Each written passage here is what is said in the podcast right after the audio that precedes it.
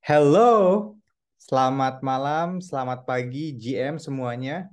Kembali lagi bersama saya MPJ BTC di Teman Stack. Seperti biasa, setiap minggunya kami akan bawa informasi-informasi terbaru tentang Stacks dan Bitcoin dan juga Web3 secara umum kepada kalian semua pendengar setia Teman Stacks. Yuk kita mulai seperti biasa. Yang pertama adalah update dari price chart. Oke, yang pertama datang dari Bitcoin seperti biasa. Bitcoin di minggu ini mengalami penurunan yang lumayan gitu kan. Kita lagi di bawah 20k, di bawah 20 ribu dolar. Yang mana sempat dibuka di minggu lalu, di hari minggu lalu di sekitar 20 ribu, 0,7 ribu dolar gitu ya, 20,07 k gitu kan. Tapi sekarang itu di angka yang cukup merah ya, yaitu di angka 19.700 something kayak gitu. Jadi lumayan turun lah sekitar 300 dolar dari pembukaan di minggu lalu kayak gitu. Dan uh, kalau kita bandingkan dengan Stacks di seminggu ini, ya lumayan mengalami penurunan yang sama, yaitu sempat dibuka di angka 3,67 0,367 dolar, sempat spike-spike, sempat naik-naik sedikit, tapi akhirnya sekarang turun sekarang di angka 0,3627 jadi dari 367 jadi 3627 jadi koma ya itunya kekurangannya gitu dan seperti biasa teman-teman walaupun sedang turun kita tetap bisa cek update-update terbaru dari Stacks dan juga Bitcoin ekosistem. Yuk kita simak satu persatu. Nah, seperti biasa akan saya bacakan dan akan saya kasih respon up tentang berita-berita ini. Oke, yang pertama tentang event. Baru-baru ini ada event dari Stack Chapter Austin di Amerika sana yang ngadain Austin Clarity Developer Camp, yaitu sebuah bootcamp 5 minggu gratis gitu kan oleh Stack Chapter Austin untuk kegiatan pembelajaran smart contract Clarity. Nah, kegiatan ini udah dimulai di 8 Agustus yang lalu dan akan berakhir di 9 September kayak gitu. Apa ada apakah ada teman-teman yang join ini? Who knows? Tapi kita juga dari Stacks Indonesia akan ngadain acara serupa di tengah-tengah bulan ini yang diharapkan segera launching. Nah, kemarin sempat diundur karena masih kurang yang RSVP-nya, tapi akan segera di launching ke teman-teman semua untuk bisa ikut belajar ngoding Clarity, ngerasain gimana cara develop smart contract di atas Stacks. Seru bukan? Yuk, yang berita kedua. Yang berita kedua adalah di tanggal 8 September yang lalu, ini enggak 8, uh, bukan lalu ya, 8 September nanti gitu kan, Stacks, Stacks akan mengadakan Twitter Space gitu kan, yang linknya saya kasih di bawah ini di dalam deskripsi, yang mana event ini diselenggarakan setiap minggunya, yaitu tentang SIP, Stacks Improvement Proposal gitu. Nah, jangan bosan-bosan nih, tiap minggunya teman-teman bisa join Stacks Improvement Proposal tiap hari Minggu, maaf hari Jumat kayak gitu. Oke, berikutnya di tanggal 21 sampai 23 September besok, Stack Foundation akan berpartisipasi nih di namanya Mesari Mainnet. Mesari itu mainnet yang itu suatu event yang besar ya, yang mana mempertemukan investor dengan builder di Web3. Wah, seru banget nih pastinya. Nah, event ini dia organisir sama Mesari dari tahun ke tahun dan diadakan di New York. Tuh kan. Oke, kita lihat ya seberapa banyak builder yang bisa ditarik oleh teman-teman dari Stacks ekosistem kayak gitu. Semoga banyak ya karena kita sangat bullish on Stack kayak gitu. Oke, berikutnya ada kabar-kabar juga dari video-video menarik yang kita tonton di minggu ini, yaitu datang pertama kali adalah dari Stacks gitu kan, yang mana mereka bikin event namanya itu webinar judulnya adalah Hiring in a Bear gitu kan.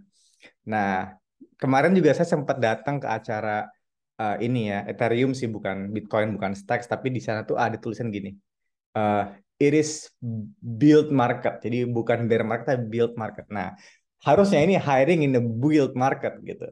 Oke nah ini di acaranya diadain sama Olga Atkina lead acquisition partner dari Hero System sama Britney yaitu executive director dari Stacks Open Internet Foundation. Nah, keduanya ini ngebicarain cerita perekrutan di dunia Web3. Nah, Olga sama Britney ini sepakat bahwa perekrutan Web3 ini memang sering kali ngebuat banyak orang ragu dan takut karena Web3 masih tergolong industri baru. Apalagi sekarang lagi bear market gitu. Tapi kata dia nih, kata Britney gitu kan, kalau orang mau cari pekerjaan daftar di industri Web3, uh, nggak harus tahu banget sih tentang Web3 semuanya gitu. Kita bisa belajar along the way. Saya ketemu banyak banget teman-teman yang nggak begitu teknis banget tentang Web3, tapi mereka itu punya mindsetnya attitude yang belajar gitu, yang growth mindset gitu kan. Nah, Olga sama Britney ini juga ngebahas tentang percobaan mereka untuk membangun kultur di perusahaan Web3. Nah, karena mereka kan bener-bener bikin perusahaan Web3 ya. Jadi ada Olga yang talent acquisition-nya, ada Britney yang executive director-nya dari Stacks Open Foundation gitu kan. Nah, sebagaimana mungkin dipahami nih teman-teman ya. Banyak orang bahwa perusahaan besar khususnya yang berorientasi pada profit gitu kan lebih mementingkan setiap agar agar mengikuti sistem gitu kan. Sedangkan uh, apa sebaliknya gitu kan kalau di web itu lebih suka eksperimen kayak gitu. Nah, ini adalah hal yang dicoba juga sama Olga sama Britney di mana di dalam web3 startup itu di web3 industri kesalahan itu nggak terlakan lah, pasti terjadi lah. Dan para builder harus tetap percaya pada ide-ide mereka untuk membuat dunia Web3 lebih baik gitu kan. Sesuai dengan kemajuan manusia pada zamannya kayak gitu kan. Nah, perusahaan-perusahaan ini juga apa ya lebih sensitif lah terhadap perubahan gitu. Jadi mereka tuh sama kesalahan tuh nggak begitu apa ya uh, strict banget gitu loh. Kalau misal habis kesalahan, as long as we learn from it, it's okay kayak gitu sih. Itu yang saya tangkap dari diskusinya Olga sama Britney teman-teman. Nah menarik banget bukan? Nah menurut saya nih ya sebagai uh, orang yang berkarir di industri Web3 gitu, saya rasa bener banget gitu ya Web3 ini walaupun tergolong baru gitu dan juga tergolong sangat kritikal ya karena mereka di industri web itu kita menangani financial information, financial data gitu. Orang bertransaksi menyimpan value di sana. Kalau kita salah sedikit itu berbahaya banget gitu. Tapi apa ya? Kalau kata orang gini, what doesn't kill you make you stronger gitu. Itu juga web3 gitu. Di mana web3 ini uh, banyak banget hack-hack yang terjadi di luar sana, banyak kesalahan di sini di sana, tapi industrinya secara umum terus maju gitu. Terus melampaui ekspektasi orang-orang terhadap Web3. Yang tadinya orang sangat skeptis, sekarang everything about to be crypto at some point gitu. Semua orang bakal jadi crypto at some point. Saya kemarin baca berita katanya Goto gitu kan, Gojek Tokopedia itu baru aja ngebeli perusahaan yang belum ada, belum ada operasionalnya gitu. Tapi dia itu beroperasi di uh, exchanges dan punya lisensi BAPEPT. Dan mereka ngebeli gitu kan apa ini artinya bagi mereka? Ya nggak tahu. Tapi intinya adalah semua perusahaan berlomba-lomba menjadi Web3 gitu kan. Karena Web3 ini is the future gitu. Nggak terelakkan lagi gitu. Dan saya sebagai pekerja internet merasakan banget gitu betapa mudahnya memindahkan kayak aset dari negara mana ke negara mana hanya dengan internet kayak gitu sih. Jadi uh, something yang saya bener-bener percaya banget sih. Dan about, it's about time people bakal apa namanya bakal masuk ke Web3 perusahaan bakal masuk ke Web3 di mana ada kesempatan orang pada ke sana kayak gitu sih. Nah, berikutnya ada video lagi nih dari Ina Abram sama Munib Ali yang ngebahas tentang stacks dan penambang Bitcoin. Jadi apa sih relasinya gitu. Nah, Munib ini menarik banget nih. Dia ngejelasin bahwa dua hal yang dia nggak benar ternyata nggak benar gitu kan. Nah, yang pertama, anggapan bahwa stacks itu bukan merupakan layer dari Bitcoin gitu kan. Nah, Munib bilang gitu, stacks itu salah satu layer Bitcoin udah jelas gitu di dalam roadmap Stacks. Stacks itu adalah ekosistem Bitcoin kayak gitu. Yang kedua, apa pun yang dilakukan oleh miners di Bitcoin dan Stacks nggak ada pengaruhnya masing-masing chain gitu kan. Itu juga salah gitu kan. Karena miners di Bitcoin bisa ngepengaruhin Stacks gitu kan. Dan juga sebaliknya gitu kan. Namun ini justru antusias gitu kalau ada miner dari masing-masing chain ini, Bitcoin dan Stacks, kemudian bekerja sama gitu. Karena hal tersebut bisa ngebuat masing-masing ekosistem lebih kenal lebih dalam kayak gitu sih. Nah ini salah satu aspek menarik ya karena uh, apa namanya Stacks ini suatu chain yang mana foundernya tuh sangat aktif banget dan sangat advokasiin banget nih Bitcoin dan Stacks kayak gitu. Jadi saya rasa uh, ini sangat menarik karena apalagi sekarang Ethereum baru mau udah mau pindah nih ke POS. Jadi Bitcoin adalah the biggest proof of work uh, chain gitu ya. Jadi sangat menarik nih gimana ini plays out in the next four years kayak gitu sih. Oke, berikutnya ada info-info baru lagi dari wider crypto ekosistem gitu kan. Nah, sebelum itu saya juga mau ingatkan teman-teman semua, kalau teman-teman bisa gabung di Bitcoin dan Web3 itu kalau mau belajar gimana cara gabungnya bisa baca di link di bawah ini di bagian artikel and news di sana banyak banget peluang pekerjaan-pekerjaan di area di area-area yang mungkin teman-teman bisa apply ke sana di Stacks dan saya rasa menarik banget ya. Yang berikutnya, Hero juga nulis dokumen gitu kan. untuk mempertahankan kebebasan atau open source system dalam Bitcoin. Nah, jadi Hero tuh lagi apa ya emphasize banget pengen ngedukung gitu kan freedom in the Bitcoin open source ecosystem kayak gitu kan. Nah, dukungan Hero ini muncul sebagai respon atas kasusnya Craig Wright gitu kan. Dan Hoodlonat gitu. Hero juga mengajak semua orang ingin mempertahankan open source dalam Bitcoin untuk berdonasi. Sebagaimana diketahui kalau Craig Wright ini ngeklaim dirinya sebagai Satoshi Nakamoto. Namun demikian, banyak sekali orang yang apa yang nolak gitu pengakuan dirinya, ngebuat gerakan berjudul Defending BTC. Nah, Wright ini semakin nggak disukain karena dia melayangkan gugatan kepada Hoodlenaut kayak gitu sih. Ya ini menarik banget sih dan emang harus defense ya. Bitcoin itu harus banget di defend dan harus banget jadi open source teman-teman karena ini adalah uh, building block financial in in the future kayak gitu. Nah berikutnya ada update lagi dari tetangga kita dari Milk Road Newsletter yang mana di sana tuh banyak orang apa ya ada update nih ya bahwa banyak orang tuh suka banget dengan smart contract di mana kodenya itu bersifat pasti dan nggak bisa digantikan dengan orang gitu.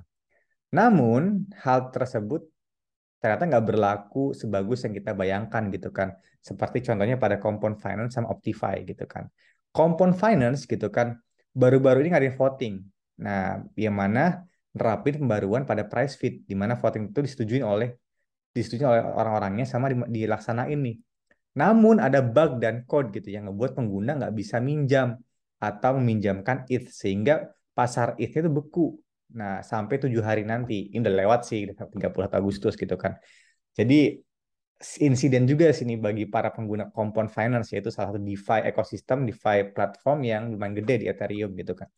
Nah, developernya Optify juga sengaja memasukkan perintah untuk menutup program Solana ketika hendak mengupgrade program di Optify. Hasilnya, program Optify ini mati secara permanen dan nggak bisa ngambil kembali. Dan ada kerugian sekitar 600 ribu dolar. Nah, ini juga salah satu keunggulan dari Stacks, di mana Stacks itu kita punya namanya Clarity Smart Contract, yang mana smart contract itu bisa dilihat sama kita semua. Jadi smart contract yang itu bedanya sama Ethereum, bedanya sama Solidity, smart contract yang ini tuh bisa dibaca oleh mata telanjang. Jadi smart contract ini tuh nggak dikompil gitu, nggak dirubah jadi bahasa assembly terus dijadiin instruction set ke virtual machine Ethereum, tapi bakal jadi suatu bahasa aja kayak biasa, script kayak biasa yang bakal dieksekusi secara interpreted oleh uh, node dari stack itu sendiri. Jadi bedanya kita lebih terbaca dan ada ada namanya clarity kan, clear gitu kan, dan juga ada design ability di sana gitu. Jadi itu adalah hal menarik dari Stacks gitu kan menanggapi masalah di sini. Kemudian sejak beberapa pekan lalu harga kripto naik nih. Namun pekan lalu Bitcoin jatuh di bawah 20.000. Ethereum pun jatuh lagi nih di bawah 1,5K gitu kan di bawah 1.500. Penyebabnya ada tiga, yaitu uh, Jerome Powell ngasih pidatonya kalau the Fed akan naikin suku bunga. Kemudian harga S&P turun semua nih tiga setengah sampai empat persen gitu kan. Nah kemudian rasa khawatir FUD gitu mana-mana gitu kan. Yang mana Mongox itu yang yang digadang-gadang mau ngembaliin 140 ribu Bitcoin kepada pengguna di uh, apa namanya jadi pressure gitu. Karena orang pada apa ya uh, kalau dikasih dibalikin uangnya orang pada mau mau jual kayak gitu sih nah. Nah, uh, gimana nantinya? Kita lihat lagi ya apakah di minggu depan masih naik atau turun. Tapi buat kita ini adalah the build market bukan bear market. Build market jadi tetap membangun membangun membangun gitu kan. Nah berikutnya ada Michael Saylor di mana dikenal sebagai orang yang suka ngebuat berita besar namun kali ini berita yang ada adalah negatif besar gitu dia dituntut karena penipuan pajak gitu kan Nah ini saya baca twitternya kalau nggak salah dia tuh pura-pura tinggal di mana gitu, padahal dia tinggalnya di mana gitu kan. Nah, dia tinggal di DC sejak 2005, namun nggak pernah bayar pajak pendapatan. Diperkirakan dia menghindari 25 juta pajak, kayak gitu kan. Dia laporin bahwa dia tinggal di Florida untuk hindarin tingginya pajak, padahal sebenarnya nggak tinggal di sana, gitu kan. Nah, kemudian perusahaannya dia sendiri, MicroStrategy juga dituntut karena dinilai ngebantu si Michael Saylor gitu kan hindarin pajak, gitu. Menarik banget ya, uh, apa namanya drama-drama pajak di luar sana gitu uh, saya rasa kripto menarik ya karena dengan adanya kripto ini gitu kita bisa mempelajari gitu hal-hal yang kayak gini karena si Michael Saylor-nya mainan kripto perusahaannya nyemplung di kripto, kita bisa tahu gitu ada ada ada kayak drama-drama pajak di luar sana. Ini menarik banget sih buat jadi bahan study case gitu kan buat para netizen gitu. Oke, berikutnya ada lagi Ticketmaster yang baru-baru ini kerjasama dengan Dapper Labs. Nah, hal ini ngebuat para event organizer menyebarkan dan manfaat NFT kepada event kayak gitu kan. Nah, pertama, Ticketmaster tuh ngebuat dompet dan marketplace baru. Nah, kemudian kedua, event organizer dapat ngeberi NFT yang terikat dengan tiket. Hal tersebut dapat digunakan sebagai bukti kehadiran dalam sebuah event. Nah, NFT-nya sekarang ada di Flow blockchain gitu kan dan dan kemudian eh, pengguna dapat melihat gitu kan ke NFT di marketplace. Nah, fitur ini diuji, cobakan selama enam bulan dan menghasilkan lebih dari 5 juta NFT. Nah, Ticketmaster ini ngejual 500 tiket setiap bulannya. Nah, sehingga hal ini bisa jadi hal yang besar. Namun Ticketmaster ini dikenal sebagai dikenal dengan pemberian dan penambahan fee yang cukup banyak sehingga ini masih perlu diobservasi kayak gitu. Jadi Ticketmaster ini nyobain nyobain dia percobaan untuk bikin tiket NFT gitu kan. Dulu saya sempat punya ide yang sama sih, tapi nggak dijalanin ya. Nah ini si Ticketmaster menjalankan itu dan udah lebih dari 500 juta tiket terjual di sana gitu kan. Nah, menurut saya ini bagus banget sih uh, implementasi NFT yang bagus karena di mas di mimpi saya di masa depan gitu ya kita ke tiket pesawat pakainya NFT. Ngapain pakainya NFT? Jadi nantinya kalau kita pakai NFT semua nih ya, kalau kita pakai NFT semua, misalnya kita naik pesawat nih ya, bisnis kelas misalnya, kita dapat poin. Nah kalau sekarang poin itu kayak nyangkut di satu airlines aja gitu atau di satu jaringan airlines itu aja. Tapi kalau nanti kita pakai NFT, kita bisa tuker-tukeran nih gitu. Kayak misalnya saya punya banyak banget nih uh, poin misalnya di uh, uh, apa ya di air di air di airlines A gitu kan. Kemudian saya apa namanya udah nggak pakai lagi karena saya ganti negara misalnya. Saya mau ganti pakai airlines B. Nah itu dengan cara NFT dan juga fungible token bisa tukeran, kemudian bisa pakai gitu. Jadi makin liquid gitu kan. Si aset ini makin liquid dan orang nggak perlu lagi nih kayak hold di dalam hal apa namanya ya di di tempat-tempat yang apa ya sentral atau database gitu. Karena bagi para perusahaan pun ya kalau dia menyimpan suatu poin di dalam uh, kita, artinya artinya adalah di dalam buku pembukuan dia itu dia itu punya namanya uh, balance sheet yang mana dia itu masih hutang gitu. Ada account payable, poinnya tuh dibayarkan kayak gitu sih. Dan itu hal yang lumayan ini sih ya lumayan menarik ya karena uh, jadi beban buat mereka kayak gitu sih. Mereka nggak bisa mainin pakai aja uangnya karena itu adalah uh, liability ya gitu kan. Karena nanti kalau misalnya dalam in case something bad happen itu bakal dipotong duluan liability duluan gitu kan. Dengan adanya kripto ini ya udah gitu kan. Itu bukan ada di balance sheetnya mereka itu adalah sudah jadi ownership bagi para orang-orangnya. Ya ini saya sangat sangat apa ya bullish banget nih sama use case NFT dan fungible token yang kayak gini, kayak gitu sih. Oke teman-teman, di minggu ini itu aja dari saya. Saya sangat excited banget ngobrol sama teman-teman semua di sini. Jangan lupa tetap kita main lagi tiap minggunya di teman Stacks dan sampai ketemu di minggu depan. Terima kasih.